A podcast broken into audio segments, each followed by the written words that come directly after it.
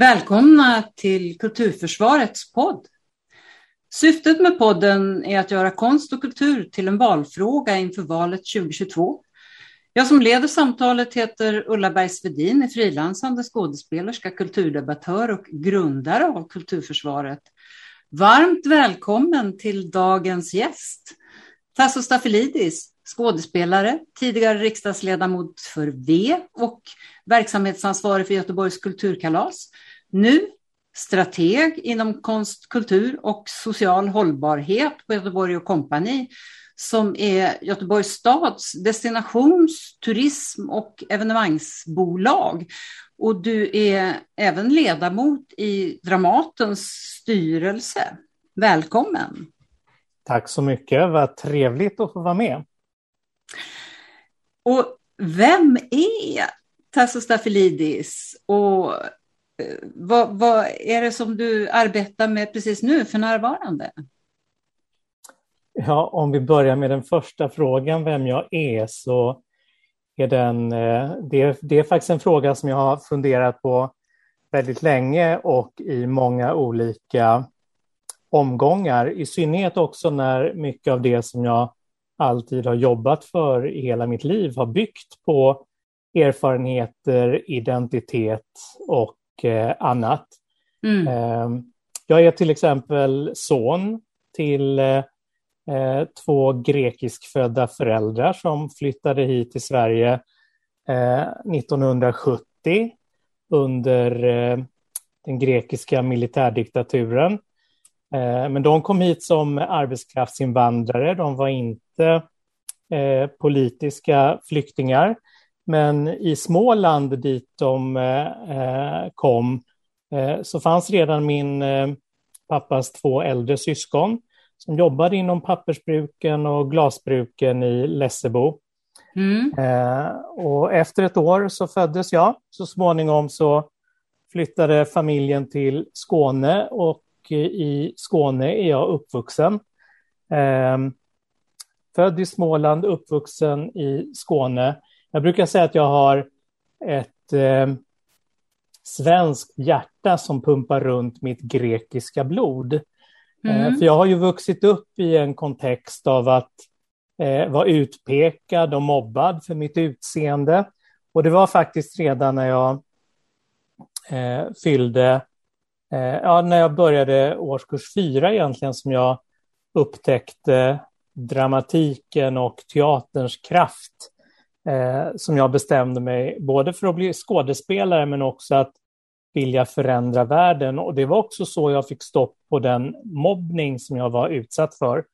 Det var nämligen självförtroendet som stärktes av eh, teatern, av mitt eh, arbete med dramakurserna och eh, teatergrupperna som jag var med i. Eh, och det ledde ju så småningom också till att engagemanget för att kunna förändra samhället eh, ledde till att jag ville engagera mig till en början i olika fredsgrupper, miljörörelse och, och eh, mänskliga rättigheter. Jag var med i Afrikagrupperna, samlade namn för att frige Nelson Mandela och stoppa apartheidregimen som femteklassare. Eh, och när jag kom upp i sjuan så intresserade jag mig för att nu vill jag vara med och fatta beslut och inte bara påverka. Och då bestämde jag för att gå med i ett politiskt ungdomsförbund. Och det blev Vänsterpartiets ungdomsförbund. Och så småningom så började min parallella eh, karriär, om man säger så, att, att å ena sidan hade jag teatern och mitt konstnärskap, och å andra sidan så var det samhällsengagemanget och eh, politiken som ju så småningom också Eh, ledde till riksdagen när jag 1998 blev invald i eh, riksdagen. Och där satt jag i åtta år. Idag så arbetar jag fortfarande som skådespelare eh, relativt regelbundet, men inte på heltid. Eh, utan på heltid så arbetar jag som strateg på Göteborg Company som eh, eh strateg inom konst, kultur och social hållbarhet. Och det är ett uppdrag som egentligen handlar om att lyfta och eh, bevaka och kvalitetssäkra det här kommunala bolagets arbete med de här frågorna utifrån den expertis som jag besitter. Mm. Och vi ska återkomma till det, men jag vill ändå stanna lite vid, vid det här eh, vem du är och så, därför att jag undrar, hur kom du i kontakt med eh, teatern när du var barn? Eh, vi hade en, eh, jag ska säga att från att jag var, gick i ettan till trean så var jag en sån här pojke som hängde på eh, stallet, ridhuset, hästar var ju det bästa jag visste. Mm. Eh, men i fyran fick vi besök av en dramapedagog i skolan. Eh, jag minns henne fortfarande, hennafärgat rött hår med en fläta nästan ner till knäna. Mm. Och, eh, eh, jag blev så otroligt fascinerad över att eh, över dels det sättet som eh, det bemötandet jag fick, eh, att jag blev sedd på ett helt annat sätt än förut och framförallt den respekten som jag fick. Alltså också lägga till att som barn var jag gossopran och var väldigt... Eh, ja, men jag fick alltid sjunga solosånger på de eh, äldre barnens Lucia-tåg och sådär. Och, och ah. eh, helt plötsligt i årskurs fyra när teatern uppenbarade sig för mig så var det ju teatern som också fick mig att utveckla eh, den musikaliska sidan av, av eh, mitt konstnärliga uttryck. Men du hade redan känt också den här känslan av att eh, då njuta av att stå på scenen då när du hade sjungit solo och så. Så att eh, det var en... Eh, Absolut, publikmötet hade jag redan eh, eh, träffat, men jag hade ju inte riktigt förstått innebörden, eh, betydelsen och, och, känslan, inte liksom den gestaltande delen, utan det handlar ju ofta om att sjunga vackert och mm. fint och fantastiska sånger och så där visst innehåll och sådär, men inte, inte den här grunden som, som konstnärskapet handlar om.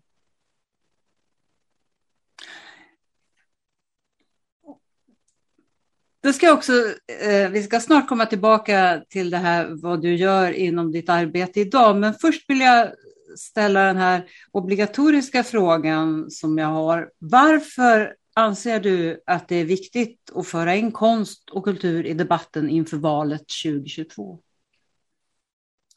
Det är flera olika orsaker, men den mest grundläggande handlar ju om konstens och kulturens betydelse i ett samhälle, i en demokrati, för människor, för mänsklighetens existens.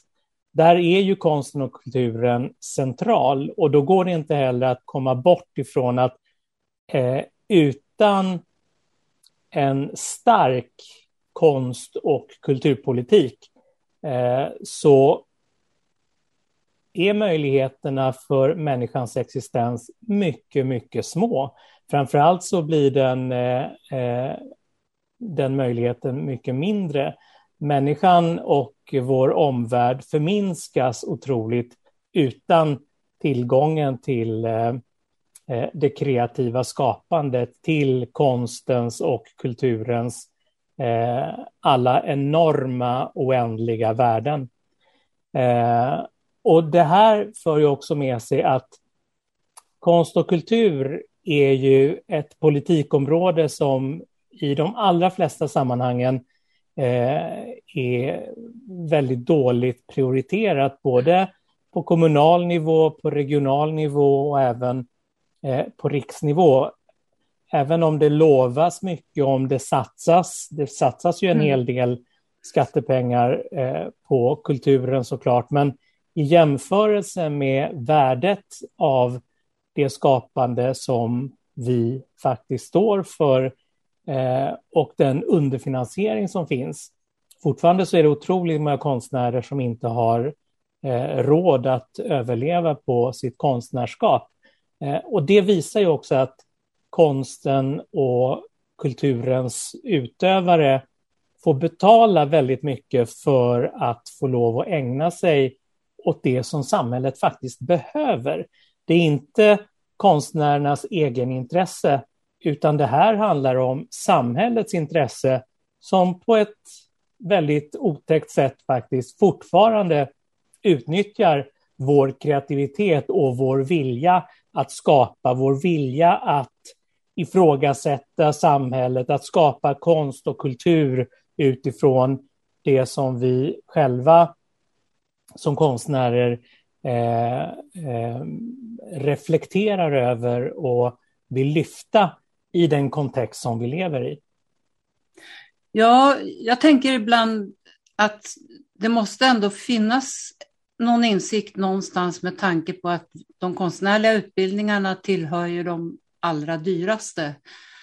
Och den satsningen, där, där, där måste ju ligga en insikt bakom eh, eftersom de ju är fria att gå för oss som har gått dem, så att säga, eh, precis som alla andra utbildningar, att det är värdefullt för samhället att utbilda människor konstnärligt.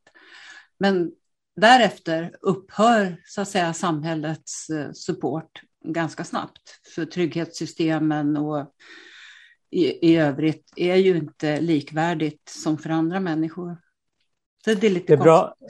Ja, det är bra att du tar upp just det där, för att självklart, jag ska ju inte måla någon nattsvart bild, för det finns ju samhällen som har det eh, mycket värre än eh, situationen här i Sverige. Vi mm. har ju en, en infrastruktur som samhället eh, och det offentliga har byggt upp. Vi har en, en infrastruktur med utbildning, med institutioner, med ett, eh, ett system av eh, offentliga anslag till eh, fria kulturutövare och så vidare.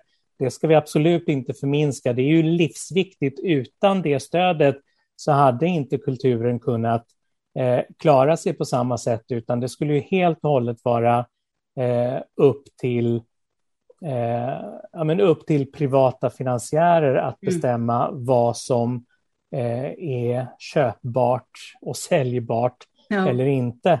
Så visst, vi har en eh, otroligt bra plattform, men när jag då jämför statusen eh, inom de olika politikområdena så är det tyvärr så att de politiker eh, och eh, de tjänstepersoner som jobbar med konst och kulturområdet, de är inte eh, placerade i samma höga status som, eh, eh, som de politikområdena som handlar om ja, näringslivsfrågor, även om kulturen är en egen näring, så, men näringslivsfrågor generellt, och, eh, försvarsfrågor för att inte eh, mm. glömma bort att mycket pengar fortfarande eh, går till eh, försvarskostnader. Eh, så det är statusen jag är ute efter, att det ska vara en, eh, ett område, ett politikområde, ett demokratiskt politikområde som eh, som faktiskt har en hög status, även om vi har väldigt många duktiga och kunniga eh, både politiker och såklart tjänstepersoner som gör ett fantastiskt jobb. Ja, och, och du är ju en av dem. Eh, ska du berätta för oss, vad gör en strateg inom konst och kultur och social ja, hållbarhet? Ja, det handlar ju om, eh, jag höll på att säga, vi hamnar tillbaka där det hela började en gång när jag gick i årskurs fyra. när jag insåg att hela samhället och allting hörde ihop. Nej, men, eh, mitt strategiska uppdrag går ju ut på att dels bevaka och följa eh, utvecklingen på det eh, konstnärliga och kulturella området för att eh, Eh, kunna utveckla eh, det här kommunala bolagets eh, både insatser och arbete på området. Men det handlar också om att kunna kvalitetssäkra det som bolaget gör så att just inte konst och kulturfrågorna tappas bort eller glöms bort eller prioriteras bort. Så där har det här kommunala bolaget som jag jobbar på, Göteborg Company, tagit ett tydligt eh, ställningstagande för att de här frågorna är viktiga, de är strategiskt viktiga och, de är, eh, och det är frågor som ska genomsyra allt det arbete som det här bolaget gör. Och på det sociala området så bygger det ju på men allt ifrån stadens jämlikhetsarbete, arbetet med att, att synliggöra alla de invånare som finns här, men också att se att besökarna som kommer till den här regionen, till den här så kallade destinationen, att eh, det är ju till exempel inte bara eh, vita, rika människor som besöker Göteborg som exempel, utan det är ju människor från hela världen. Och ska vi vara en destination som är öppen och välkomnande, då måste det också vara en destination som inte bara erbjuder nöjen och eh, turistanläggningar, utan det måste vara så att människor får ett Eh, korrekt bemötande, att vi är en stad fri från rasism, att människor som besöker staden eller som lever här inte ska utsättas för homofobi eller för eh, hatbrott eller vad det nu kan handla om. Så den sociala hållbarheten bygger ju på i princip allt det som, som rör vårt eh, välmående.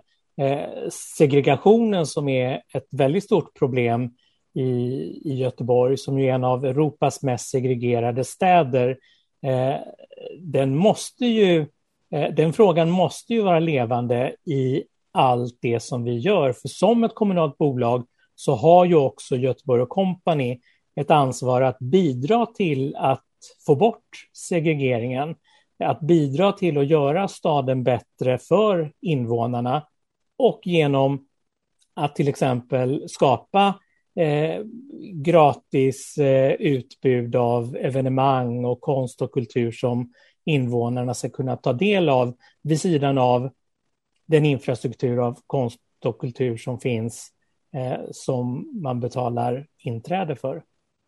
Men jag tänker på, du sa just det här med att eh, allt hänger ihop. Och det tänker jag också att det ska kännas välkomnande för alla att eh, komma till stan. Och, eh, tidningen The Guardian beskrev ju här för en tid sedan området kring Järntorget eh, inne i Göteborg som ett av de coolaste i Europa och det beroende på all just konst och kultur och restaurang och klubblivet där.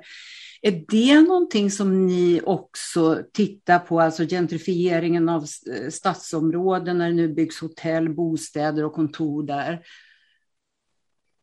Jag kan ju säga att, att just den artikeln som du hänvisar till är ju otroligt viktig. För det är precis det som en av avdelningarna på Göteborg Company jobbar för, nämligen att internationella tidskrifter och internationella publicister och annat ska hitta och upptäcka Göteborg och skriva sådana här artiklar. Göteborg har ju fått otroligt många priser för eh, att vara världens mest hållbara eh, mötesstad och kongressstad och så vidare. Och så vidare. Mm. Och eh, eh, samtidigt vet vi ju att ja, vi kanske är bra. Det är samma sak med, med eh, många andra frågor, att det kan vara bra på ytan och det kan vara bra inom vissa områden, men eh, eh, det är ju inte bra överallt. Eh, staden är ju inte bara de eh, fina bilderna eller den eh, festligheten som sker på fredagar och lördagar runt, mm. runt Järntorget, utan det finns en vardag som för många människor också är, eh, är en stor utmaning att, eh, att genomlida. Och för andra så är det en glädje att vandra från dag till dag. Mm. Eh, du var ju inne på det förut att du har varit politiskt aktiv under en stor del av ditt liv och bland annat då suttit i riksdagen för V. Du lämnade riksdagen och dina politiska uppdrag 2006 och om vi håller oss då till kulturen först så du var den första professionella konstnären som valdes in i riksdagen. Och kulturpolitiker oavsett parti har, som du också var inne på, alltid svårt att få gehör även inom sina partier. Hur, hur upplevde du att det fungerade? Ja, jag, jag ska bara rätta lite grann för att jag var ju den första professionella skådespelaren i riksdagen. Jag, jag, har faktiskt, jag har faktiskt inte undersökt kring andra konstområden, men, eh, eh men jag minns när, när, eh, eh, när de hörde av sig från eh, Teaterförbundet, vårt förra namn på, på facket scen och, konst, scen och film, mm. eh, som konstaterade här att ja, du är vår första medlem som har blivit invald i riksdagen. Mm.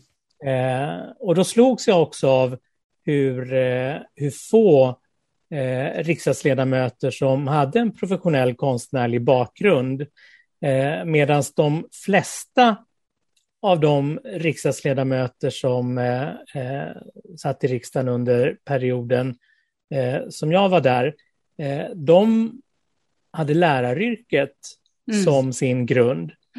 Eh, och vilken fråga var störst i politiken under den perioden? Det är den visserligen fortfarande, men det var ju skolan, ja. utbildningen, såklart en väldigt viktig, ett väldigt viktigt politikområde. Mm. Men det handlar ju såklart, som i många andra sammanhang, om att där politikerna har den största och bredaste kunskapen, där de själva har ett engagemang och själva har en erfarenhet och brinner för frågor. Många brinner ju för skolan även för att de har barn, de tycker att det är viktigt utifrån värdet av deras egna barns eh, studiemöjligheter och annat. Så att skolan var ju väldigt central. Medan kulturområdet och de Eh, eh, konstnärliga områdena, de olika konstarterna, där upptäckte jag väldigt tidigt att det var så otroligt mycket kunskap som fattades. Så att i mina anföranden så var jag ju alltid otroligt pedagogisk och ofta så beskrev jag hur den faktiska situationen ser ut för, eh, eh för konstnärer för eh, eh, de konstnärliga utövarna, för att också få en förståelse för att de besluten som riksdagen fattar har faktiskt betydelse. Det har en betydelse om, eh, om vi har en budget som bara ger en, en kostnadsutveckling, eh, alltså ett tillägg i budgeten varje år för, för den eh, kostnadsutveckling som finns, medan de fria eh, grupperna fick aldrig någon uppräkning av sina anslag eh, för de eh, kostnadsökningar som skedde av löner och index och, och annat. Eh, och då var, då var det ju så här att ja, men då kommer ju de bidragen och de anslagen att urholkas och det blir mindre och mindre pengar till att göra och skapa konst för. Medan mer och mer av pengarna äts ju upp av alla kostnadsökningar, och, och lönekostnader och annat. Vilket till slut också resulterar i att, att fria grupper eh, inte hade råd att ha anställda. Och då fick vi hela den här apparaten med att eh, konstnärer, eh, inte minst inom teaterområdet, så var det också väldigt vanligt att, att eh, vissa arbetade under ett par månader och sen fortsatte de att göra sina föreställningar men de levde på a-kassa. Mm. För det var det enda sättet att, att kunna finansiera en, en fri grupp på. Och så ska ju inte samhället utnyttja konstnärerna eh, med att urholka ett system som ju är till för eh, där det behövs eh, som mest i särskilda situationer. Då blev det liksom vardagen att den situationen som många frilansande skådespelare befann sig i handlar ofta om att tvingas gå på, eh, eh på a-kassa för att kunna överleva för att jobben inte gav tillräckligt med inkomster. Eh, men samtidigt så finns det också ytterligare eh, många dimensioner. Jag kommer framför allt ihåg när, när eh, eh, vi förhandlade budget. Under de åtta åren som, som jag satt i riksdagen så hade vi ett budgetsamarbete med den sittande eh, regeringen. Och kulturfrågorna var ju som sagt inte eh, särskilt prioriterade, men de blev prioriterade tack vare att vi i budgetförhandlingar kunde lyfta eh, till exempel att ja, vi kan gå med på det här som ni vill genomföra om vi får eh, eh ytterligare 20 miljoner på det här området. Och I sammanhanget så var det ju väldigt lite pengar, men på kulturområdet så var det mycket pengar. Och bland annat så var det ju så vi fick igenom eh, skapandet av Dansalliansen, den tredje anställningsformen för, för dansare, mm. eh, som ju var planerad att genomföras längre fram. Men vi fick in det i en budgetförhandling och då anslogs det pengar och arbetet kunde genomföras mycket, mycket tidigare. Eh, och det är jag otroligt glad över att, att eh, jag fick med mig de budgetförhandlare som, eh, eh, som Vänsterpartiet hade eh, på den tiden. Eh, för det är ju det som det också handlar om för många av politikerna, att de ska ju internt eh, övertala sina partikamrater att satsa på kultur eller mer på kultur och, och att kunna lägga pengar även på, på kultur och konstområdet. Eh, så det handlar otroligt mycket om status, status, status. Absolut, och det tror jag också om kunskap för att eh, du har ju sagt det också att just att det är så få professionella från konst och kulturvärlden som går in och arbetar politiskt och, och det, det du beskriver här visar ju, jag har ju själv också jobbat politiskt och jag vet ju hur svårt det är att, att just beskriva hur det ser ut. Och just det här du tog upp nu kring a-kassan, det resulterade ju också i, fast det var en, en, eh, en, en, offentlig hemlighet så att säga, att det var så man finansierade mycket av fria professionella grupper, att eh, Anders Borg kunde gå ut och säga inför valet 2006 att skådespelare som ingen vill se, det vill säga de som gick på a-kassa, de kan jobba inom vården. Och på det sättet lyckades han förolämpa två yrkesgrupper i en och samma mening. Det var ju väldigt snyggt jobbat.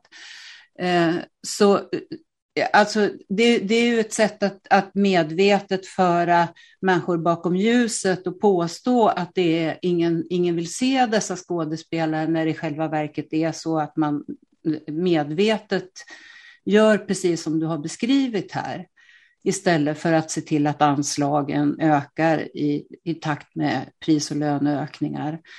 Eh, och, och jag, jag, tror precis som du att om, om vi vore fler som engagerade oss så skulle ju kunskapen eh, förhoppningsvis i alla fall öka.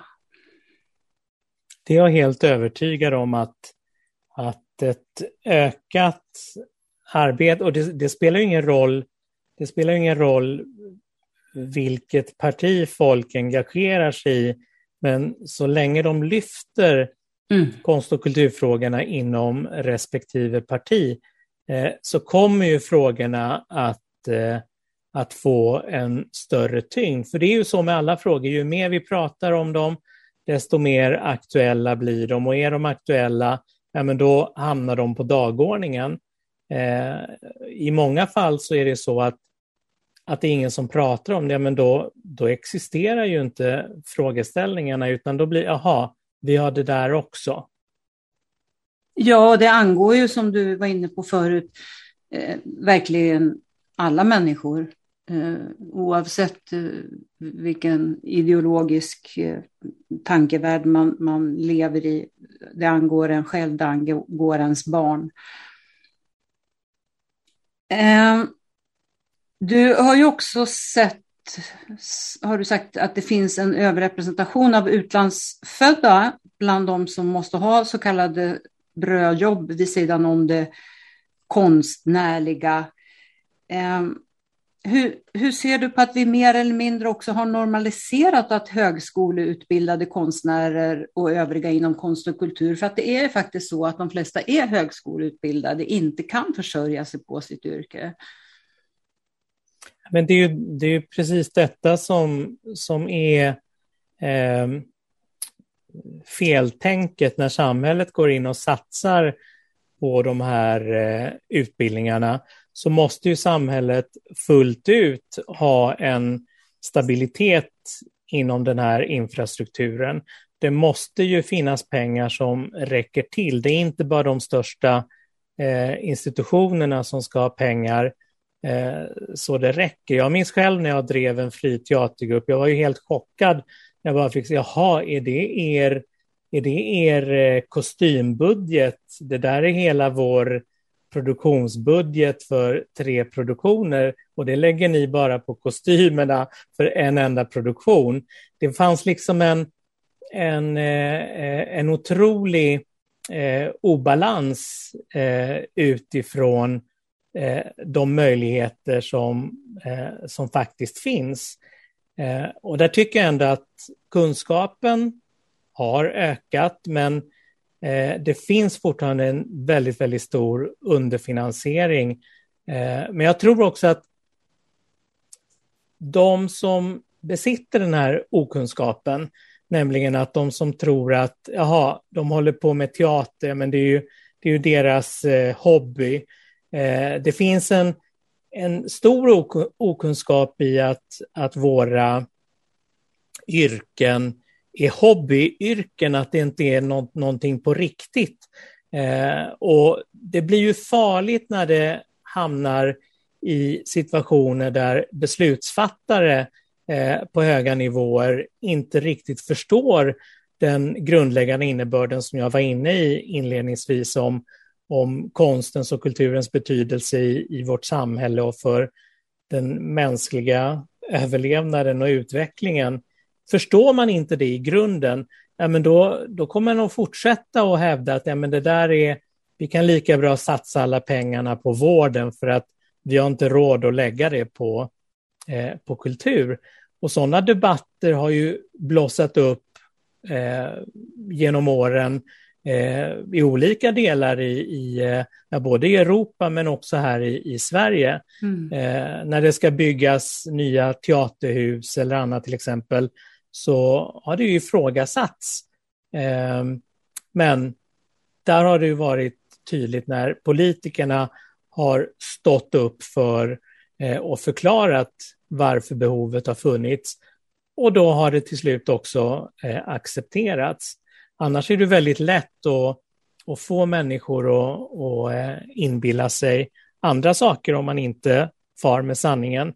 Men här har vi också vårt ansvar att bidra till bildningen av mm. eh, våra invånare som ju också är vår presumtiva publik. Att eh, är det inte så att, att vi är relevanta Eh, för olika målgrupper och publikgrupper, ja, men då kanske vårt existensberättigande eh, som eh, konstaktörer eh, kan ifrågasättas. För har vi inte folket med oss, eh, då kommer ju den risken eh, att bli en verklighet till slut. Du, du du drev ju även hbtqi-frågor utifrån egen erfarenhet och blev pionjär även där i riksdagen. Hur togs det emot? Ja, det... Faktiskt, jag gjorde två... De två första sakerna som jag gjorde när jag kom in i riksdagen, det var att eh, först skicka ut ett mejl till alla riksdagsledamöter och tala om att eh, dels presentera mig, men att tala om att jag ville starta Riksdagsteatern. Jag kunde mm. inte föreställa mig en, eh, en tillvaro utan att ha teatern nära mig, så att jag tänkte någon form av, av eh, utövande skulle jag ju få till även i riksdagen. Och då var det faktiskt över 50 riksdagsledamöter av de 349 som hörde av sig och svarade att de ville vara med i den här riksdagsteatergruppen. Mm. Så det var otroligt positivt. Men det andra jag gjorde det var att jag gick ut till alla de riksdagsledamöter som hade varit engagerade genom åren i eh, hbtqi-frågor. På den tiden kallades det för, för homofrågor och sen blev det hbt-frågor som sen blev hbtq och nu har vi lagt till ett i också. Mm.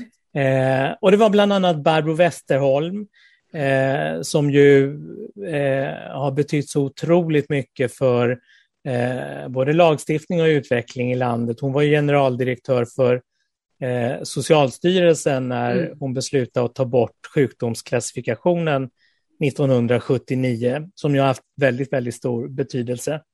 Eh, och så var det en del andra riksdagsledamöter från olika partier som hade varit eh, aktiva och drivande i frågorna. Och jag frågade om de ville vara med och starta en tvärpolitisk eh, eh, grupp i riksdagen. Och det ville de. Och det arbetet resulterar ju i eh, att vi fick igång ett helt fantastiskt tvärpolitiskt arbete som jag ändå skulle vilja påstå var grunden till att vi hade en så fin och gemensam samsyn eh, över de reformer som behövde göras. Och det var ju faktiskt mellan åren 98 till 2006 som de flesta lagstiftningsreformer sattes igång och även eh, genomfördes. Eh, och det är jag så otroligt, otroligt eh, stolt över.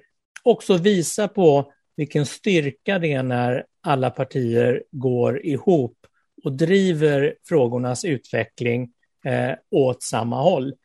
Det har varit otroligt viktigt. Idag så finns inte riksdagens eh, eh HBT-grupp längre, men eh, när den fanns så var det just eh, det här arbetet som handlade om att både stödja varandra, men det viktigaste vi gjorde förutom att lägga riksdagsmotioner och förslag till ändrad lagstiftning, det handlade om att vi såg till att ta in kunskap. Vi skapade seminarier och kunskapsfördjupande eh, föreläsningar regelbundet där vi bjöd in både tjänstepersoner från regeringskansliet och riksdagskansliet och från de olika eh, partierna. Eh, så att det har haft en jättestor betydelse och eh, någonting som jag är oerhört stolt över. Och dessutom så var det ju så att under de fyra första åren i riksdagen, 98 till 2002, så var jag den enda öppet eh, homosexuella riksdagsledamoten. Och det hade jag inte heller förberett mig på, för jag hade ju, jag kom ju ut offentligt i samband med att jag kandiderade till riksdagen. Eh, så att det var ju en stor omvälvande period eh, även för mig. Och helt plötsligt så fick jag axla den här manteln av att eh, vara den som även fick identifiera mig i de här frågorna. Men även där var det otroligt lärorikt att jag kunde stå i riksdagen och tala om för de andra att ni får lov att gifta er, men det får inte jag. Jag får lov att ingå ett partnerskap, eller inte ens det, jag får registrera ett mm. partnerskap. Och då blev det också mycket, mycket tydligare för en del. Men jag kan ju inte låta bli att tänka att, att det kanske inte hade varit möjligt idag, när du berättar det här. Vad tänker du om det? Det här samarbetet ja, jag... över alla gränser. Nej, jag tror att det har blivit eh, tuffare på den fronten just i politiska eh, sakfrågor. Det finns ju flera olika nätverk i riksdagen idag som jobbar med barnrättsfrågor eller det finns ett nätverk mot eh, hedersförtryck och sådär. Eh, och eh, de nätverken har ju en väldigt stor betydelse för att de samlar ledamöter från, från olika håll. Och jag tror faktiskt att, att eh, de här nätverken eh, skulle göra gott även idag. Eh, men eh, idag är ju dessutom riksdagen är ju såklart mycket mer, eh, det är ju mycket större mångfald i riksdagen idag. Både av, eh, av människor som är kanske lite mer inskränkta, men framförallt också en öppenhet. Eh, på den tiden så hade vi ju inte Sverigedemokraterna i riksdagen eh, när jag satt där, eh, utan eh, det var ju eh, en period när, när eh, eh den politiska debatten ändå innehöll en eh, balans av den här respekten och att, att faktiskt inte eh, yttra sig eh, fientligt mot andra människor på det sättet. Även om, om det ju under början på den perioden när jag satt i riksdagen så fanns det ju ett parti som motarbetade alla lagstiftningsreformer på hbtqi-området. Eh, men där är det ju idag inte så och där har vi också sett den utvecklingen. Och där kan man jämföra med, med, eh, med kvinnokampen och det är ju hundra år sedan ja. i år när vi fick den allmänna rösträtten, när kvinnor då fick, fick rösträtt och de första eh, kvinnorna tog plats i riksdagen. Eh, och samma metoder, samma arbetssätt, samma eh, samma sätt att beskriva utifrån verklighet och att kunna beskriva utifrån hur det verkligen ser ut gav ju också de första fem kvinnorna i riksdagen en möjlighet att vinna striderna i riksdagsdebatterna genom att de beskrev och berättade om hur det verkligen såg ut. Till exempel om eh, riksdagen ville sänka barnmorskornas eh, ersättningar Mm. Men det blev ingen sänkning för att eh, eh, det blev liksom en, en enad front från de här fem eh, riksdagskvinnorna som, som då gav en bild som tidigare aldrig hade funnits i riksdagen. Eh, så på något sätt så är det så att någon gång måste alla vara pionjärer och eh, våga stå upp, även om det, om det kostar mycket. Jag fick ju otroligt mycket hatbrev och hot och mordhot och annat. Och, och det är ju såklart baksidan, men, men jag brukar säga det att när jag var fritidspolitiker i Helsingborg vid sidan av mitt jobb eh, på teatern så, eh, så hade jag alltid eh, eh rasister och, och eh, eh, nazister efter mig. Jag fick mordhot från eh, nazisterna för första gången redan när jag var 15 år och var med och skapade Eh, startade Rör inte min kompis-rörelsen i Sverige efter det, den franska organisationen. Och Eh, eh, i riksdagen så upphörde nästan de rasistiska hat och hoten väldigt abrupt. Istället så handlade nästan alla hot och hatbrev om min sexuella läggning.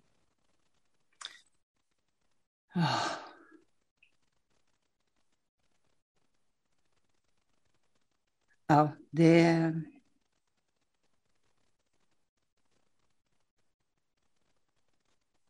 Det är märkligt att människor kan eh, utveckla så mycket rädsla för för vem andra människor väljer att älska. Och det ser vi, det ser vi idag att, att det här samtalsklimatet som har utvecklats idag där där alla tar sig rätten att säga vad som helst på andras bekostnad. Att eh, hatet har ju vuxit otroligt mycket, och har blivit synligt på ett helt annat sätt idag än, jag menar när jag satt i riksdagen så fanns inte de sociala medierna. Eh, och eh, jag kan tänka mig att det, det är en helt annan värld att eh, ehm, att ha koll på som högt uppsatt politiker idag än vad det var på den tiden när, när jag satt där. Vi kunde ju ägna oss åt eh, politiken och de politiska reformerna och att mm. verkligen ställa oss frågorna kommer de här förändringarna att göra skillnad på riktigt mm. för de som förändringarna är avsedda för? Eh, och inte vara så väldigt ute i, i att driva liksom parallell eh, debatter utanför den eh, politiska arenan som, som vi hade då. Eh, så att det finns, det finns en eh, det finns en otroligt tråkig eh, utveckling där intoleransen och, eh, eh, och hatet har blivit mycket mer synligt. Vilket också har gjort att, att eh, människor eh, har blivit räddare och vissa har blivit mer aggressiva. Eh, och det finns de människorna som, som, eh, eh som idag tycker att det är deras eh, rättighet att, att hata, att tycka illa om.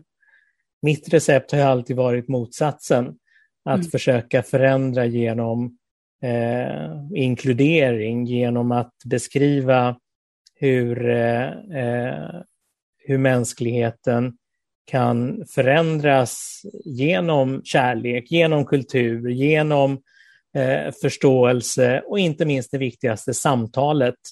Och för politikerna att ha stora öron och, och lyssna, att bejaka, att ta till sig och skapa de förändringar som, eh, som invånare, medborgare behöver.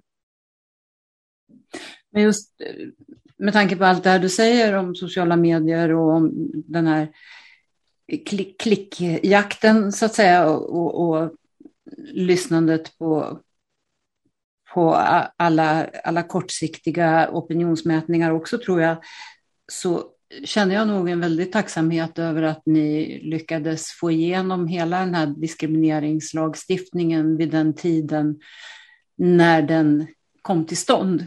För att eh, nu har vi den i alla fall och kan hänvisa till den. Och det, jag var oerhört stolt över den lagstiftningen. Jag tycker fortfarande den är väldigt bra, men den, idag kan jag uppleva att den är otroligt tandlös. Eh, för en näringsidkare som diskriminerar någon kommer ju undan genom att, eh, att betala sig fri, så att säga. Eh, du betalar 30 000 och så är det inget mer med det. Det gör liksom ingen, ingen större skillnad. Och jag, börjar, jag börjar luta åt det hållet där, där jag tycker att, att vissa brott borde ha högre straffvärden och diskrimineringsbrotten och hatbrotten är just sådana brott som handlar om, eh, om vår mänskliga eh, tillvaro, alltså vårt mänskliga värde, vår värdighet som människor. Eh, och det borde få kosta mer än 30 000. Men är det tillämpningen och tolkningen eller eh, finns det inte utrymme för det?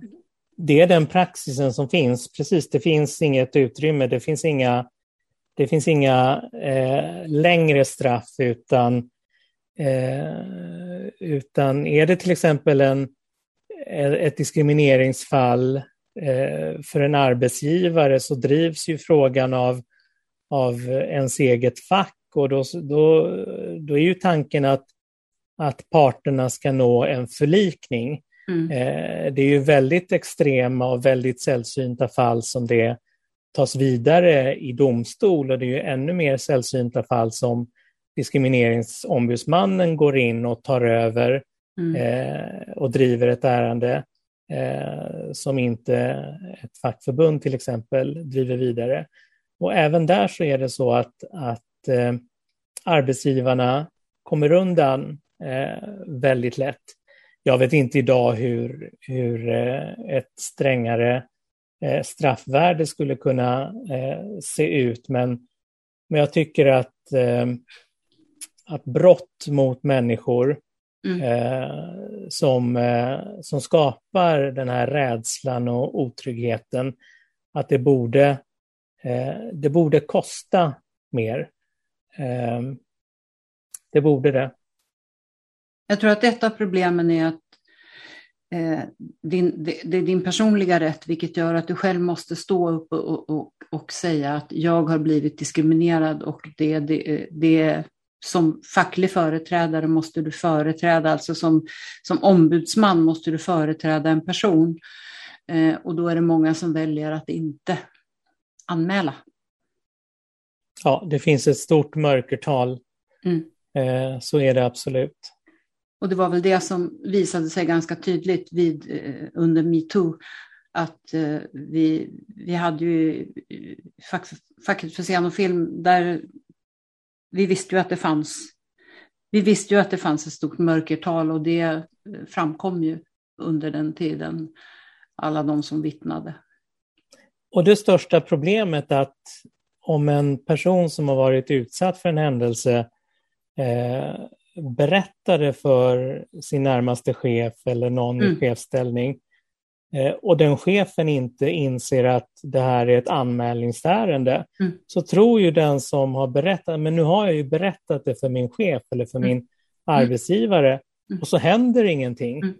Eh, och det har ju varit en av de vanligaste situationerna, inte minst inom metoo, men så är det i många kränknings och eh, eh, eh, diskrimineringsärenden att, att det uppstår en otydlighet. Men vänta, gjorde vi en anmälan? Nej, men det här är inte anmält. Mm. Och, eh, eh, och därför är det också så att, att kunskapen i frågorna behöver ju alltid eh, uppdateras och, och lyftas upp. Men visst, det har blivit mycket, mycket bättre. Men eh, det, finns, eh, det finns fortfarande eh, luckor som arbetsgivarna i det här fallet måste se till att, eh, att sköta. Ja, det är utbildning, kunskap och rutiner tror jag som krävs i väldigt hög grad. Du, eh, du var ju aktiv i Stockholm Pride och du var med och utvecklade Pridefestivalen i Göteborg, West Pride. Berätta hur det gick till. Vilka var ni och hur bemöttes ni då? ja, nej men Stockholm, Stockholm Pride har ju, eh, har ju haft en otrolig betydelse för, men ur ett nationellt perspektiv, jag tror inte att, att eh, uppstarten av så många Pridefestivaler, jag tror det är över 80 Pridefestivaler i Sverige idag, Mm. De hade inte funnits om inte eh, Stockholm Pride hade eh, varit så, eh, så framstående och så viktigt.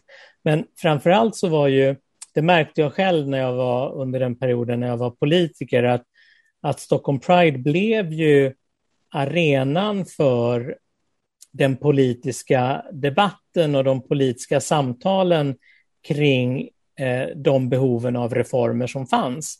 Så att det blev en, en tydlig eh, eh, kanal för eh, det politiska arbetet.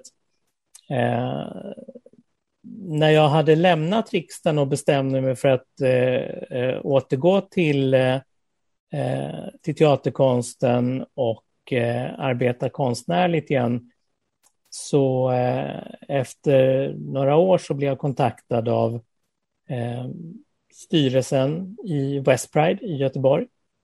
Och eh, de ville att jag skulle komma hit och utveckla Pridefestivalen här i Göteborg.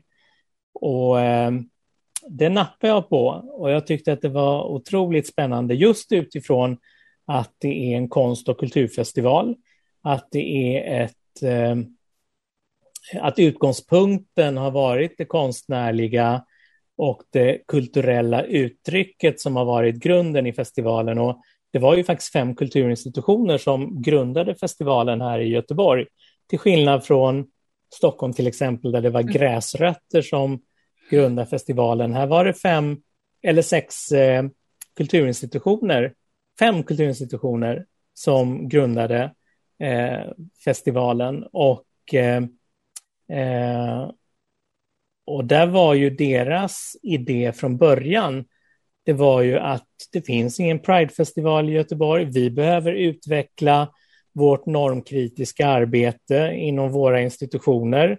Eh, vi gör någonting tillsammans. Eh, och eh, gräsrötterna och aktivisterna i Göteborg kunde inte enas om att göra något tillsammans. Alltså blev det ett uppdrag för Göteborgs stadsteater, Röska museet, eh, Kulturhuset Blå stället ute i Angered, Världskulturmuseet och eh, dåvarande Pusterviksteatern, numera Stora Teatern i Göteborg. Det var de fem som, eh, som grundade festivalen. Eh, och redan efter första året så ville ju alla vara med.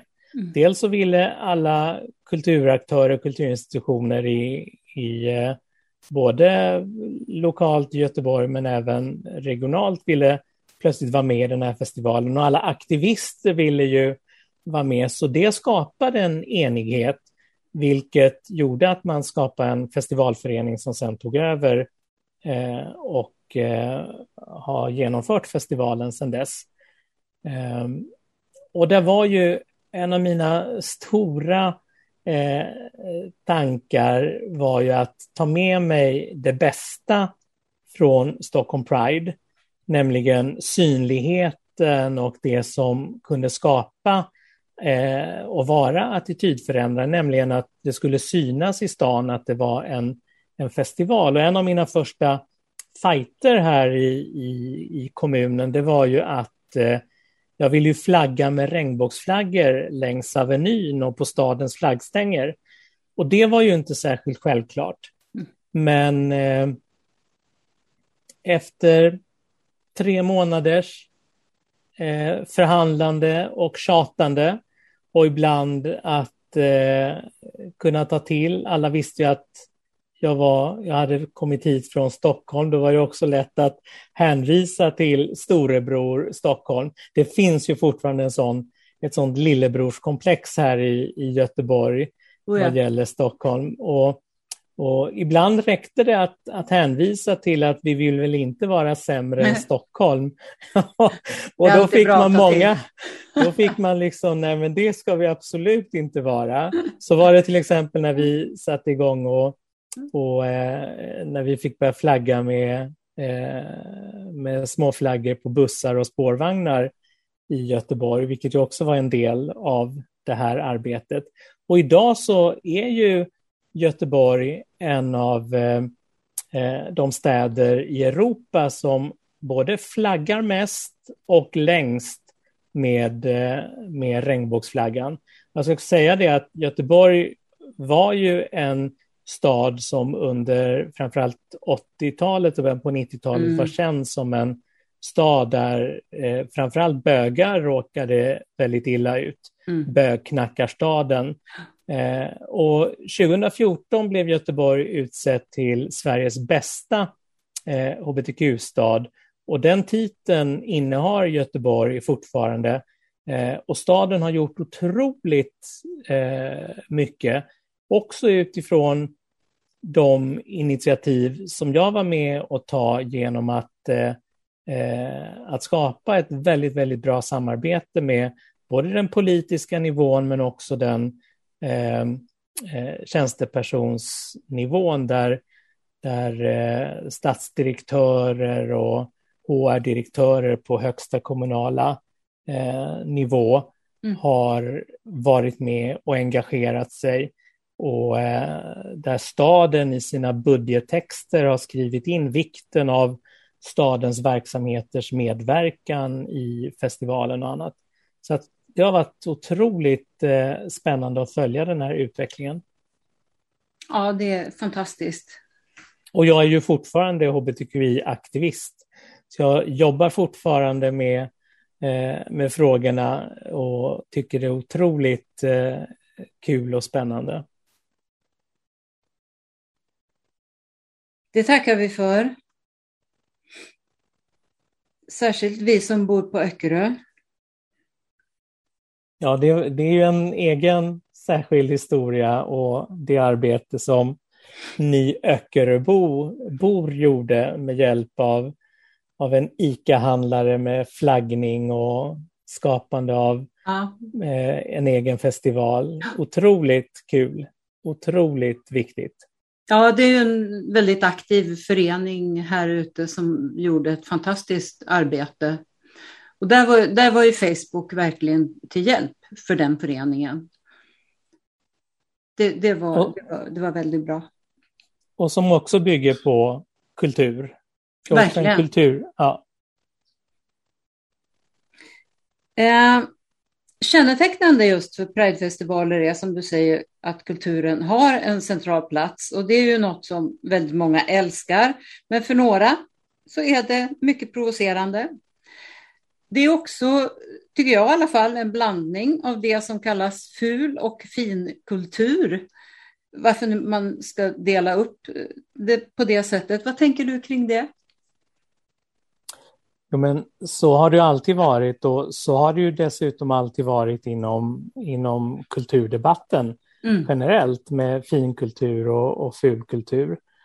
Eh, och eh, tittar vi specifikt på eh, den konst och kultur som på olika sätt är sammanflätad eh, med hbtqi-frågor så kan det till exempel handla om att det är utövarna själva som själva definierar sig som någon form av eh, hbtqi-personer. Eller så kan det vara så att, att ett, eh, ämnet, temat som lyfts upp i en teaterföreställning eller i ett eh, måleri eller i en, ett danskonstverk. Eh, och eh, det är så, den queera konsten har ju många uttrycksformer som, eh, som just eh, bygger på att provocera. Eh, och eh, som,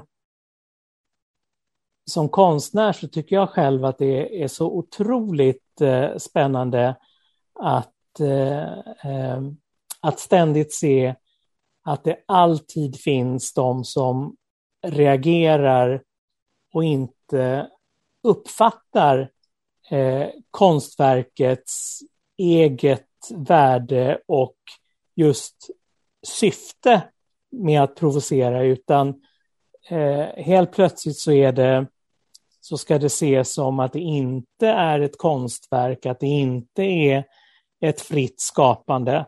Så att hela debatten kring eh, både yttrandefrihet eller vad som är eh, vad som ska räknas som bra konst kommer ju alltid upp i de här sammanhangen också.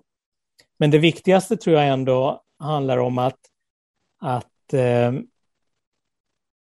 att kunna erbjuda den bredden som just finns, inte minst under eh, Pridefestivaler, att, att det finns en bredd av konst och kultur som vi annars inte möter som vi annars inte ser på vare sig våra institutioner eller på, på de fria grupperna, utan det, det skapas och det görs i eh, eh, lite som tomtebloss. Och så är det de som har sett det som har fått uppleva det. Eh, och ibland så dokumenteras det inte utan det försvinner som en övermålad eh, graffiti eh, vägg det, har liksom, det finns kvar i minnet hos de som har fått uppleva det. Och det är också styrkan i konsten, att det kan vara något som, som vi får med oss, vi som just är där. Mm. Eh, ja. Ja, ibland kan jag tänka att det är ungefär som att det är gemenskapen, kärleken och, och den oerhörda glädjen som i sig är så provocerande för några. Ja, så det finns ju de som blir provocerade bara av att se en, en regnbågsflagga. Mm. Och så var det under de första åren att, att det var ju en kamp med de som gick runt och försökte få ner de här flaggorna som vi mm. hade eh, hissat längs med stadens gator. Eh, och till slut så har det ju blivit en, eh, eh en del av stadsbilden och det som jag tycker är det, det viktigaste är ju att bara betydelsen av regnbågsflaggorna som inte bara handlar om synligheten och, mm. och att folk ser de här, utan det har, ju, det har ju inneburit att människors attityder har ju förändrats. Mm. Eh, så att eh, tar vi exemplet på andra sidan Östersjön där regnbågsflaggan i princip är förbjuden i mm. Ryssland så, så skulle det ju få otroliga effekter om de helt plötsligt hade börjat flagga med regnbågsflaggor på gatorna i Sankt Petersburg och i, i Moskva. Ja. Eh, för det, det förändrar verkligen människors attityder. Eh, tills den här roliga, eh, det låter nästan som en Kolle och Ada-historia, men ett äldre par som gick förbi eh, Gustav Adolfs torg när staden hissar upp en sån här gigantisk regnbågsflagga och där äldre paret stannar till och tittar upp och så frågar, eh, så frågar kvinnan sin, eh, sin man eh, vad är det där för en flagga? Och så tittar han upp. Det är Tyskland eller vilket land han nu, han nu sa. Och så tittade de på varandra och nickade och gick vidare. så då hade de konstaterat att det var någon, någon, eh, någon statsflagga och, eh, och inte ens reflekterat över att det var många fler flaggor. ja, eller var, varför den plötsligt skulle hissas ja. i topp just då. Du, eh, inför Europride i Göteborg 2018, då ville SD ändå medverka som utställare.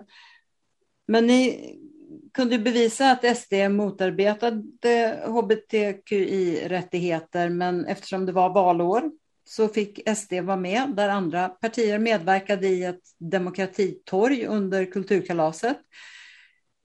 Hur agerade de då?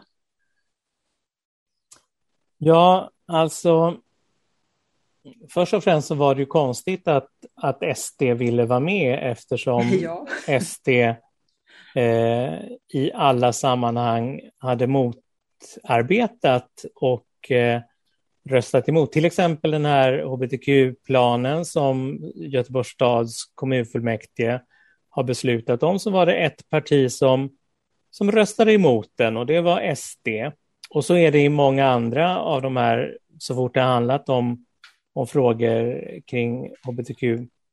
Eh, så att först så var det en förvåning, men för att ändå göra rätt så gjordes det en utredning och då kunde vi ta fram alla de punkterna där SD i princip hade motarbetat eh, existensen av, av festivalen. Festivalen finns ju till för att, för att skapa eh, en bättre livssituation för hbtq-personer. Då kan vi ju ta in grupper som, som just bidrar till att skapa en sämre livssituation.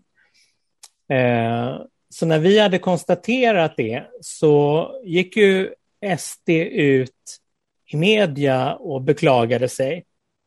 Och det som stör mig än idag, det är när journalister av någon anledning inte vågar ställa mm. följdfrågorna. Eh, de konstaterar att, att de inte fick vara med, men journalisten frågar inte vidare, jaha, men varför fick ni inte vara med då? Nej, ni står inte bakom värdegrunden och så nöjer de sig med det. Istället för att göra sitt researchjobb och i sin artikel eh, radda upp alla de här exemplen på hur SD hade motarbetat eh, hbtq-personers rättigheter. Eh, nu fick ju eh, nu fick ju SD vara med eh, i, eh, i då den andra festivalen. För det året så kördes festivalerna samtidigt. Och jag var ju engagerad i, i båda festivalerna. Så att i Kulturkalaset så är det ju en kommunal festival där, där ingen får eh, utestängas. Så där var det inga konstigheter. Men då använde ju eh, SD den eh, den här situationen till att göra helsidesannonser i tidningarna eh, och gå ut med och, och, tala om med ett regnbågshjärta och skriva att, att eh, för SD så är alla lika värda och, och vad de nu skrev för någonting. Eh, men att de då inte var välkomna i, eh, eh, i Pride Park, i, i West Prides utställarområde, i festivalområde som Pride Park hade. Och det är också ytterligare en sån här del av att människor som då inte känner till bakgrund, som bara ser den där annonsen, då ser de ju en Pride-festival som har utestängt ett folkvalt parti utan några som helst eh, skäl. Eh, så det är ju precis den retoriken, och det var lite det som jag var inne på när jag beskrev om den förändrade, den förändrade eh, samhällsdebatten på den tiden när jag var politiker. Då var det i princip omöjligt för politiker att stå och hitta på eller ljuga mm. på det sättet och sen hålla fast vid det och få igenom det som om det vore sanningar. Nu har vi ju vant oss genom Trump. Jag minns inte, kom de fram till att under Trumps period så, hade, så var det över 30 000 lögner ja. som, man hade, eh, som man hade presterat. Eh, och i många fall så har de ju fått stå oemotsagda, förutom den media som, eh, eh, som har, har, granskat det då. Och, eh, och det är ju precis det här som är faran och risken i vår demokrati. Det är precis det här som bygger på att elda upp massorna, eh, driva utifrån fördomar eller påhittade eh, situationer som eh, skapar rädsla som gör människor engagerade och tycker men varför ska de här bli dåligt bemötta? Varför fick inte de vara med när alla andra fick vara med? Och ingen går till botten och frågar sig grundfrågan. Jaha, det fanns en orsak. Mm. De hade, det fanns en anledning till att de inte fick vara med. Och det tycker jag är otroligt viktigt i, i den här eh, debatten. Att faktiskt alltid vara noga med sina referenser, med sin faktakoll, att, att inte gå på det som är fördomar och eh, påhittad fake news. Absolut. När du var verksamhetsansvarig för Kulturkalaset så utvecklade du ett sätt att göra konstnärliga val och skapa utbud så att det verkligen blev en mötesplats för alla.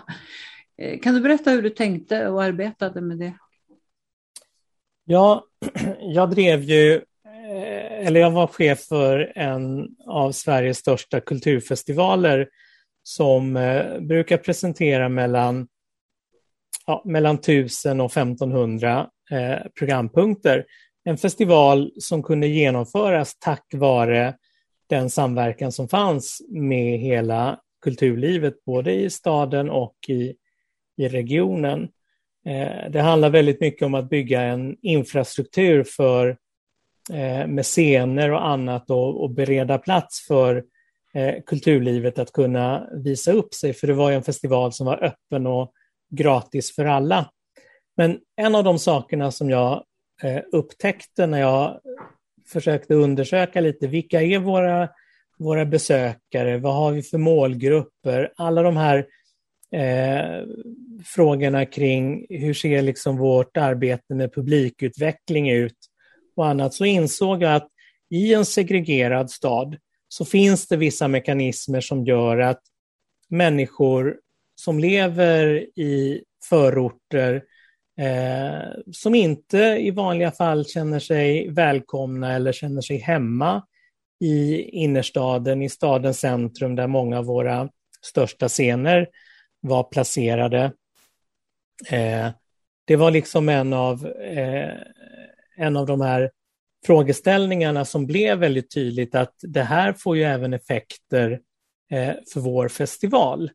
Eh, vi är ju en kommunal festival vi finansieras till största delen av eh, eh, skattepengar, då måste, då måste vårt uppdrag också vara att se till att så många som möjligt av stadens invånare och besökare kommer till festivalen. Det som händer samtidigt här 2015 är ju att vi får den stora eh, flyktingvågen där, eh, som också blir konsekvensen att Sveriges eh, andra största språk då efter svenskan är arabiska.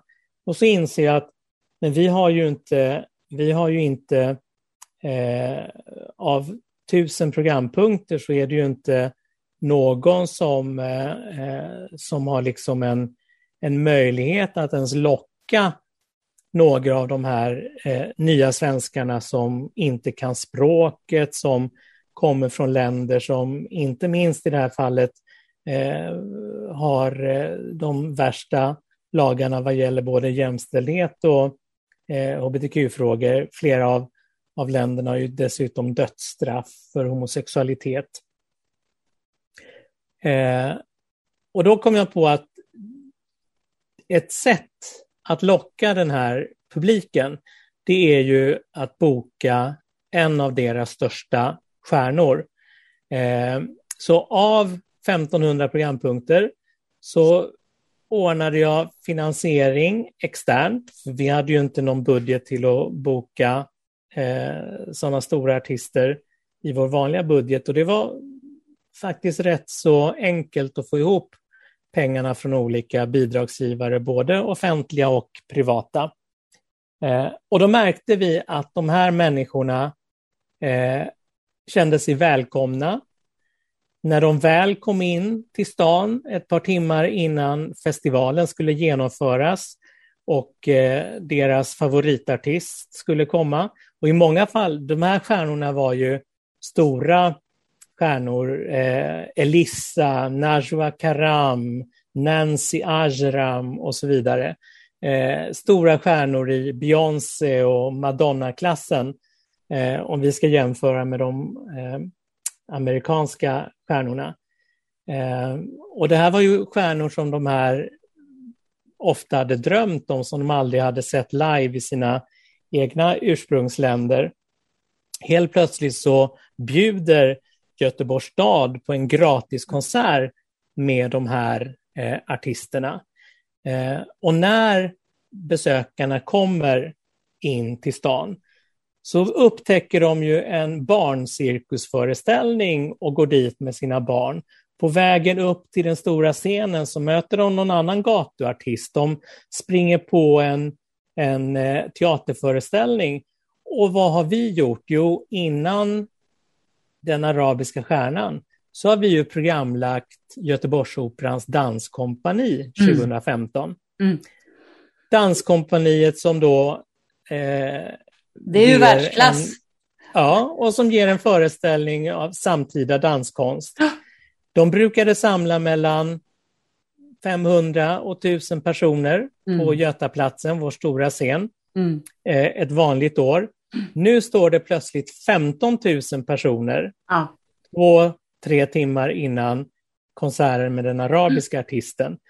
Och danskompaniet är helt exalterade av denna gigantiska publik. Mm. Och publiken, det är kanske 95-98 procent som aldrig någonsin har sett samtida danskonst förut mm. och definitivt aldrig mött Göteborgsoperan och Göteborgsoperans danskompani. Mm. Så att det här medvetna konstnärliga valet, det mm. resulterade ju dels till de här kulturmötena som annars mm. hade varit helt omöjliga.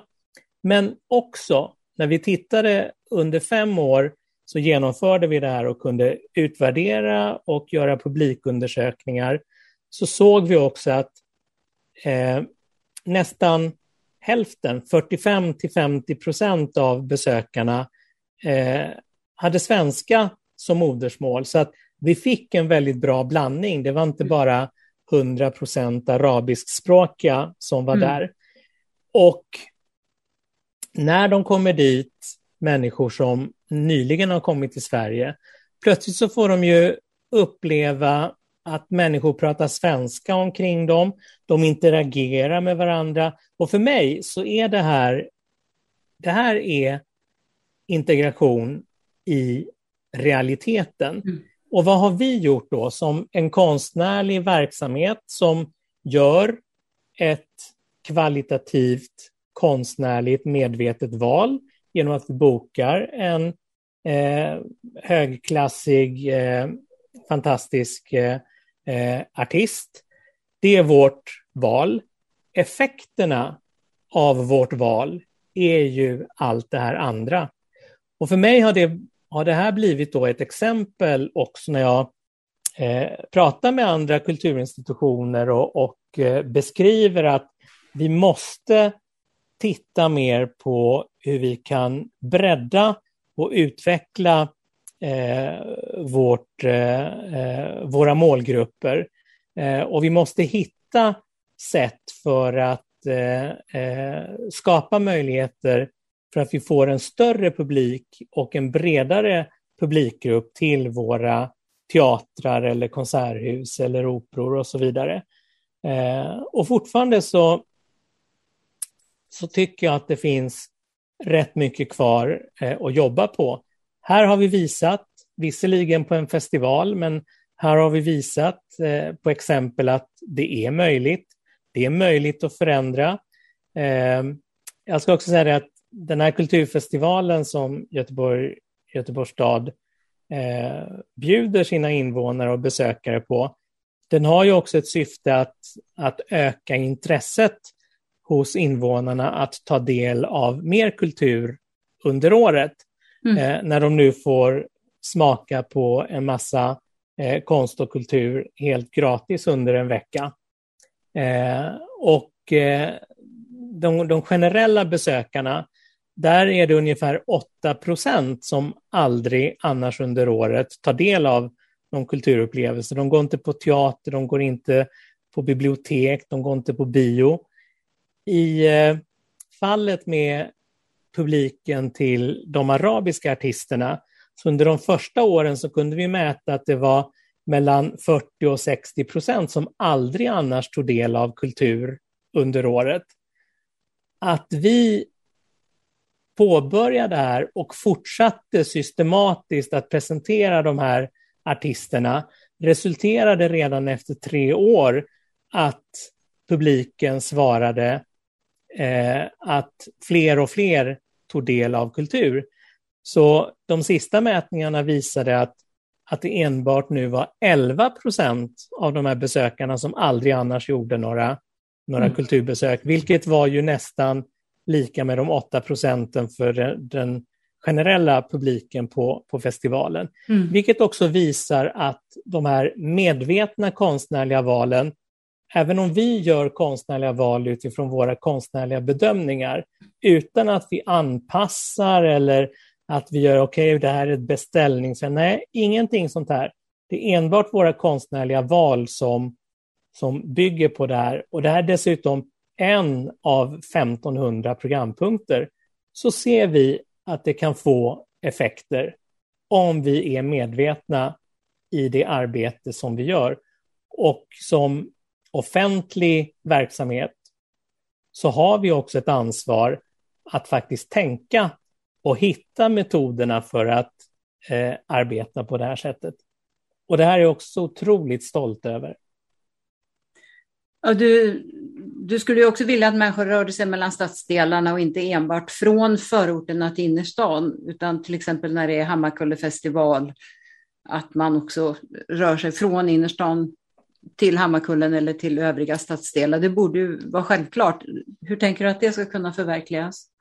Jo, men det gäller ju, det gäller ju alla våra större städer som har, som, som har samma slags segregation som vi har mm. i, i Göteborg. Det, jag kan se exempel i både Stockholm och, och Malmö. Eh, och idag så är det ju så att skapar vi små eh, stadsdelsfestivaler så är det ofta de som bor i stadsdelen som är där och det är ingen som som ägnar någon särskild tid åt att bjuda in resten av stan. Och då tänker jag att det borde ju vara så att det, det borde ligga i stadens intresse att, eh, att faktiskt vara med och marknadsföra alla de här mm. små stadsfestivalerna eller kulturaktörer som gör någonting utanför centrum och utanför staden. Att, att få människor att faktiskt åka dit.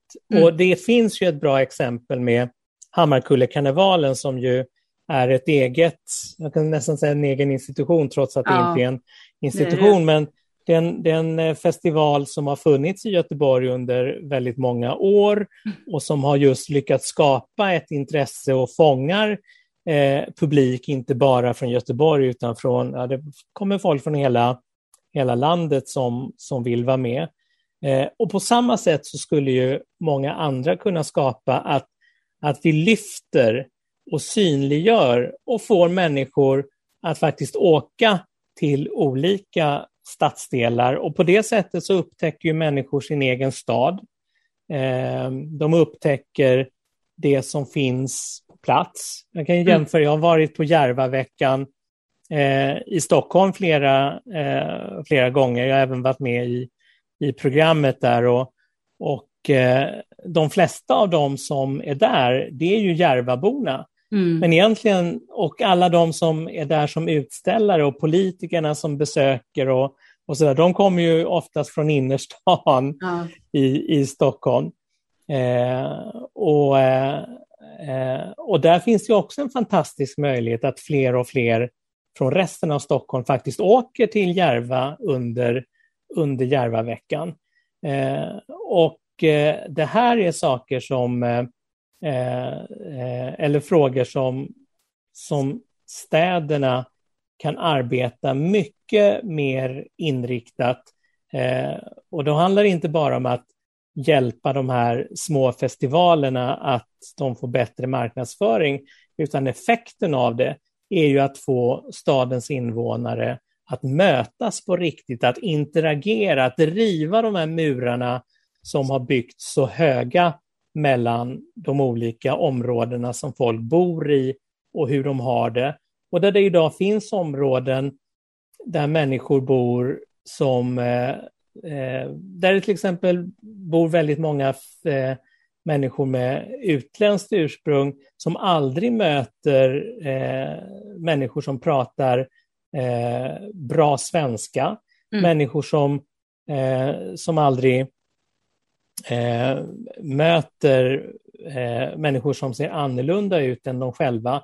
På samma sätt som det finns områden som det, det motsatta, att man aldrig träffar någon som är icke-vit eller som bryter på svenska eh, och annat. Eh, och det vet vi idag att i innerstaden i Göteborg, det finns ett område runt Nordstan som är ett mångkulturellt område, att det finns en hel del vita svenskar som inte vågar gå dit för att de är rädda att bli utsatta för, eh, eh, för brott. Eh, för att de är rädda att, att möta människor som, eh, eh som kommer från, eh, med ursprung i andra länder eller andra kulturer. Mm. Och det är det här som vi måste bidra till att förändra. Annars så kommer ju vårt samhälle att, att bli helt ohållbart till slut. Och där menar jag att kulturen och konsten har en otroligt viktig, för att tala om konstens och kulturens eh, roll i samhället, så har vi en väldigt, väldigt viktig roll i det här. För det här är någonting som vi kan bidra till inte genom att anpassa vår konst eller vårt eget skapande, utan genom att hitta metoder för hur vi presenterar det och hur vi bjuder in till den konst som vi faktiskt skapar. Absolut, och nu under pandemin har vi också sett eh, vikten av eh, konst och kultur, behovet av det och vi har ju varit inne på konstnärers och andra som arbetar inom området, eh, de villkor som gäller och eh, den här ned, de här nödvändiga nedstängningarna som har varit under pandemin har ju påverkat mycket och jag förstår att du naturligtvis ser effekterna av det. hur tänker du att det kommer att påverka långsiktigt? Och eh, vad tänker du om, det har ju ändå nu kommit satsningar från regeringen. Eh, vad, vad, vad, vad, tänker du? Hur kommer det att bli framöver? Kommer vi att hämta oss? Jag hoppas verkligen att vi kan hämta oss. Jag har tagit del av, av eh, oroväckande eh, rapporter som eh, där jag har hört många kulturarbetare som själva har berättat att, att de har sadlat om, gått till andra yrken. Eh, för vi ska ju inte glömma bort att många av dem som även innan pandemin inte kunde livnära sig på sitt konstnärskap, som var tvungna att ta brödjobb, inte minst inom besöksnäringen, alltså inom hotell och restaurang. Där blev de ju av även med de jobben. Mm. Eh, och många fick skola om sig och, och hitta liksom brödjobb inom, inom sjukvården. Eh, vissa trivs jättebra inom sjukvården och vill stanna kvar där. Och det, det är en ynnest, tycker jag, visserligen, för att, för att vården behöver mer, mer händer och, och eh, mer eh, kloka eh, människor. Men skulle det visa sig att pandemin har inneburit att, att mer än 25 procent av de yrkesverksamma inte kommer att komma tillbaka, mm. eh, så eh, då är det, då kommer det att få konsekvenser. Det kommer att få konsekvenser för hur mycket, hur stort utbud som kommer att kunna presenteras i skolor och förskolor för, eh, för den kulturen som görs ute på skolor eller inom äldrevård och annat. Eh, och jag tror också att, att det finns en, en, eh, en risk att många av dem som, som inte har varit fullt etablerade eh, ens inte kommer att, att och synas i den här statistiken när man gör mm. eh, undersökningar. Eh, men tittar vi på framtiden nu och där vi nu snart kommer att öppna upp scenerna och salongerna eh, här i Sverige efter pandemin så eh, kan jag ju bli lite orolig över vad som kan hända om, om vi får liksom ett uppsving av smittspridning och nya former av, av eh, coronaviruset och, och, annat, om vi inte har eh, bättre beredskap för till exempel eh, vaccinationspass eller eh, vad det nu kan handla om. För att skulle det bli en stängning igen och scenerna blir tvungna att stänga ner och inte kan ta emot någon publik igen så som det har varit, då kommer det att vara förödande. Nu är det bra att det aviseras med eh, stora stödinsatser för att just eh, eh, kunna på något sätt eh, rädda det som räddas kan och, och minska eh, skadeverkningarna så, så mycket det går. Eh, men återigen så är det ju institutionerna kommer att klara sig bra eh, medan de frilansande eh, konstnärerna och artisterna kommer att vara de mest utsatta. Och det vet ju inom teaterbranschen till exempel, där, där vi ju för många år sedan hade vår form av avreglering där, där ju de fastanställda på eh, de offentliga teatrarna i Sverige idag är väldigt få. Mm. Eh, vilket innebär att den, den största gruppen av, av eh, skådespelare till exempel, de är ju frilansande. De är inte fastanställda på en, på en institutionsteater eller på en fri teatergrupp. Eh, så att jag hoppas att lösningarna och stödet även kommer att nå ut till de som inte har eh, som inte har sina fasta anställningar vid eh, institutioner. För institutionerna kommer, eh, kommer det offentliga att, att rädda och de har ju haft helt andra förutsättningar att kunna eh, både bedriva verksamhet men att kunna fortsätta betala ut löner och annat under pandemin, vilket de fria utövarna inte har haft. Det är ju, det är ju ungefär 80 procent av samtliga yrkesgrupper som är frilans idag och inom till exempel musikal, inom film är det ju 100 procent. Ja. Så att eh, det där att det finns några egentligen fri, eller tillsvidareanställda, det är ju nästan borta helt och hållet. Det är ju i stort sett bara överbyggnaden som, som, som har anställningar idag.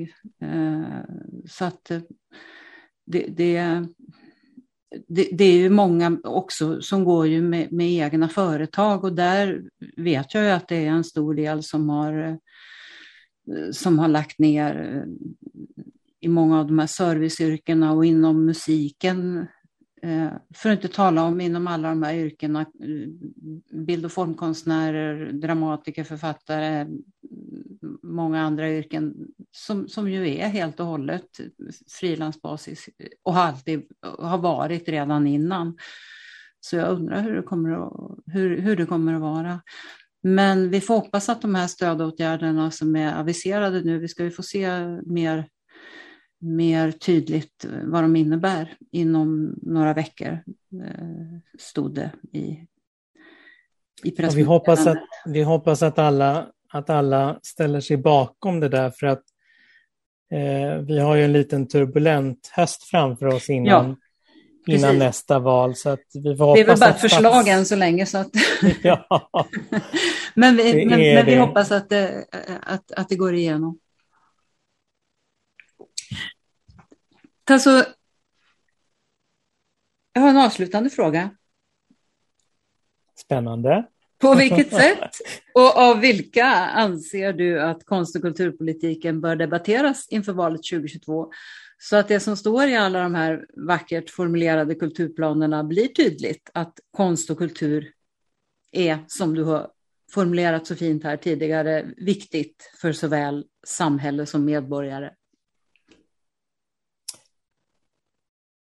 Ja, men det blir ju ofta så att eh, konst och kulturfrågorna eh, hamnar i en sån här, oh, det måste till mer pengar. Och så är det bara bristen på pengar som diskuteras hela tiden. Jag skulle ju önska att eh, politiken eh, och politikerna eh, pratar mer kring visionerna, kring de samhällen de vill ha, kring eh, konstens och kulturens eh, eh, betydelse för de samhällena, för att sen sätta värdena i kronor och, och pengar. Eh, för idag så är det så att, att eh, alla har ju rätt så fina eh, kulturprogram och det får ju inte upplevas som att det som står där är floskler, utan det måste ju vara på riktigt. Det kan inte vara så att, att ett kulturprogram i ett politiskt parti eh, består av fina, vackra ord, men där de inte kan eh, omvandla det i eh, konst och kultur i praktiken. Och det kräver ju i sin tur sen att, att det sker en förändring i att man måste in med mer finansiering. Det får inte finnas underfinansierade verksamheter där konstnärerna själva får, får bekosta sitt eh, konstnärskap. Eh, för att det finns otroligt många som, eh, som, skulle, som skulle behöva eh, få den här friheten att att kunna överleva på sitt konstnärskap. Eh, och därför behövs det också, det är den krassa verkligheten, att, att är det inte fler eh, konstnärer, fler eh, konstutövare som engagerar sig politiskt, så kommer ju inte de politiska partierna heller att besitta den eh, kompetensen och kunskapen som, som behövs för att nå ut i, eh, eh, inom politiken. Eh, jag har gjort min, eh, jag, har, jag har gjort min tjänst i, i demokratin och det borde alla göra på olika sätt, precis som du också eh, Ulla och som många andra som vi känner såklart. Men, men eh, eh, på alla olika nivåer så behövs det politiker som har erfarenhet av, av eh, eh professionell konstutövande. Eh, och jag hoppas också att, att det är fler som, som ser eh, möjligheten till att kunna engagera sig. Eh, finns inte vi med i de beslutande eh, rummen så kommer det ta många, många, många fler år innan vi får se förändring än vad det gör nu. Ja, det stämmer nog. Vi kanske ska göra någon slags upprop och folk får lista sig och säga jag är beredd att eh, gå in och arbeta konstnärslistan, ja. precis som, precis som, eh, som eh, eh, våra förkämpar inom den kvinnliga rösträtten, att, att de gjorde kvinnolistor. Ja. Eh, ja, det kan, vara, det kan vara en sån lösning, men framförallt också att det får inte vara så att, att många, att, att folk inom vår egen bransch upplever att det är någon annan som ska lösa det åt dem och som ska göra det åt dem, utan eh, finns inte vi själva med, eh, då är det, varför ska någon annan göra det här? De brinner för andra frågor. Det är vi som brinner för vårt, vårt konstnärliga skapande och då måste vi också få in det här. Eh, och jag kan i alla fall lova att det är otroligt spännande Eh, och att komma som, eh, som skådespelare till riksdagen och under åtta år få förkovra sig och lära sig allt möjligt kring juridik och lagstiftning. Det var ju en, eh, det var ju en fantastisk eh, eh, resa som jag fick lov att, att vara med om. Så det vill jag absolut rekommendera. Det är bra reklam. Jo, men jag håller med dig. Det är mycket mer spännande än man kan tro med förhandlingar och sådana saker. Och lagar och sånt. Stort tack Tasso för att du ville medverka. Tack Ulla och tack för Kulturförsvaret. Tack så mycket och tack för att ni lyssnade. Den som vill veta mer om Kulturförsvaret och om kommande poddar kan gå in på kulturförsvaret.se. Poddarna hittar ni på sidan och där poddar finns. Och om ni vill gå med i vår Facebookgrupp så är det bara att gå in och ansöka om medlemskap. Gruppen är öppen för alla som är intresserade av konst och kultur och tycker att det är viktigt att konst och kultur och fri press och media diskuteras på samma villkor som andra politikområden inför valet. Tack och på återhörande.